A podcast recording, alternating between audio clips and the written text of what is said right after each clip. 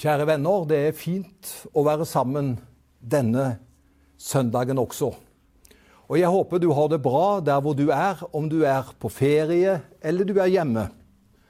I dag så vil jeg tale over noe som vi i vår generasjon har opplevd på en veldig sterk og spesiell måte. Det er tilgjengelighet. Kan du tenke deg en generasjon som opplever et større tilgjengelighet enn det vi har?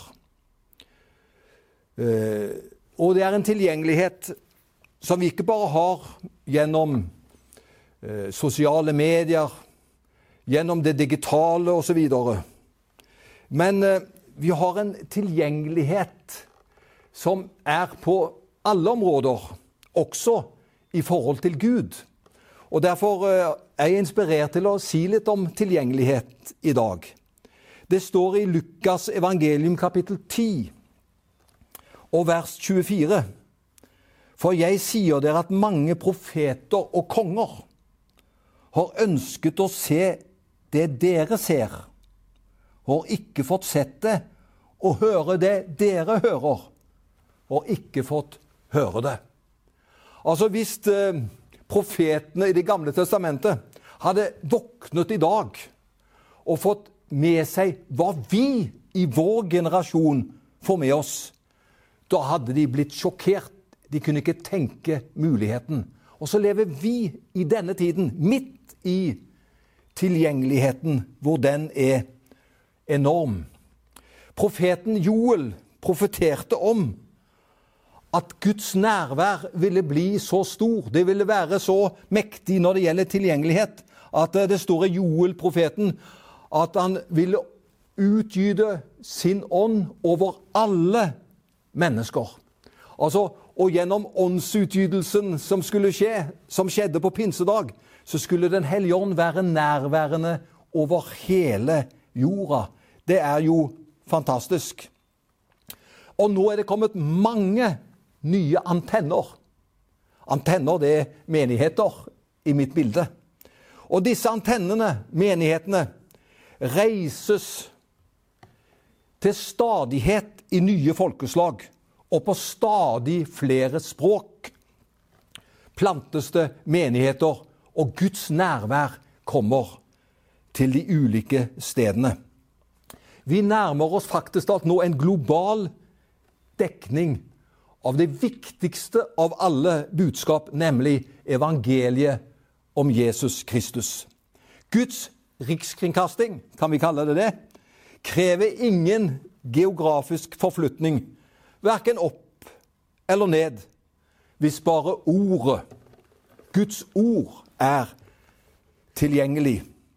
Og Derfor står det i Romerne kapittel 10 Jeg tror vi må ta med oss det som står der i Romerne kapittel 10. Og ifra vers 6 til 8. Men rettferdigheten av troen taler på denne måten. Si ikke i ditt hjerte, hvem skal stige opp til himmelen? Det vil si for å hente Kristus ned. Eller hvem skal fare ned i avgrunnen? Det vil si for å hente Kristus opp fra de døde. Men hva sier den? Ordet er deg nær, i din munn og i ditt hjerte. Det er troens ord, det som vi forkynner. Ordet er oss nær.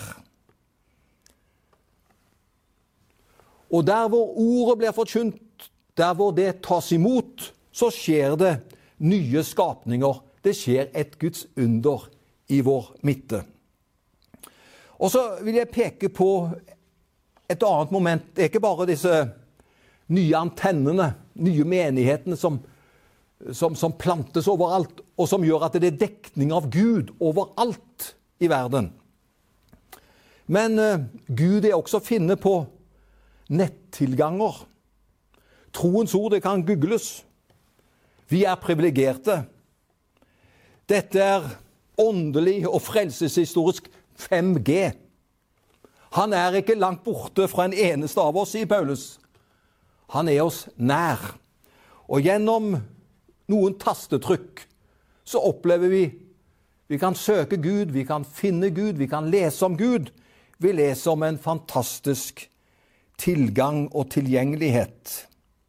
Men allikevel, selv om det aldri har vært så lett for menneskeheten å søke Gud og finne Han, for Han er så tilgjengelig gjennom de ulike mediene, så er det dessverre ikke sånt at all tilgang til Gud fører til sann tro. For Gud er jo annerledes enn oss. Han er hellig. Han skal fryktes, og han skal jo ikke kontrolleres av oss. Og han løper heller ikke, han løper heller ikke efter oss med sin nåde. Jesus, faktisk alt det står, han lot den rike unge mann gå bedrøvet bort. Lukas 18. Og etter at mange mennesker ble bespist av Jesus, flere tusen, så stiller Jesus folkemengden på valg. Og Da står det at de aller fleste gikk fra ham. Og Jesus må spørre sine disipler vil også dere gå bort. Men det ville de jo ikke, for Peter sier det er jo du som har livets ord. Vi vil bli hos deg. Men legg merke til at Jesus han, han tryglet, ikke efter at folk skulle følge ham. Han løp ikke etter folk. De måtte velge det. Jesus var ingen populist. Kristentro er ingen selvfølgelighet. Og Jesus han sier det ingen kan komme til meg hvis det ikke far drar ham. Så det er viktig at vi skjønner at tilgjengelighet den er absolutt nødvendig, og vi takker Gud for tilgjengelighet. Men tilgjengelighet betyr ikke nødvendigvis og automatisk at Gud bor i troen ved våre hjerter. Det er et valg vi alle må ta. Men så står det så fint Gud vil ingen synders død. Men han vil at vi alle skal omvende oss og leve. Og i 1. Timoteus 2,4 står det at han som vil at alle mennesker skal bli frelst. Det er Guds optimale ønske. Han vil ikke at noen skal bli mista i flokken. Han vil ikke at noen skal gå seg bort. Han vil at alle mennesker skal bli frelst. Derfor er det så viktig at vi forkynner evangeliet, at vi er på nett, at vi er der ute blant folk, at vi forkynner det evangeliet. Det er viktig med tilgjengelighet.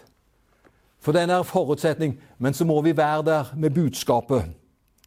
Og så er det så godt å vite da at når vi søker Herren, så er Han nær oss. Tenk du, du kan få Han ned der hvor du er. Du kan snakke med Gud midt i din hverdag, for Han er deg så nær. Ordet er deg nær i din munn og i ditt hjerte. Har du noe du vil si Han i dag? Han er deg så nær at han hører på dine bønner. Er det noe som er utfordrende i ditt liv, si det til han. For han er tilgjengelig for deg. Og så skal du få oppleve han vil være med deg og føre din sak gjennom til seier. Må Herren være med deg. Jeg ønsker deg Guds rike velsignelse. Amen.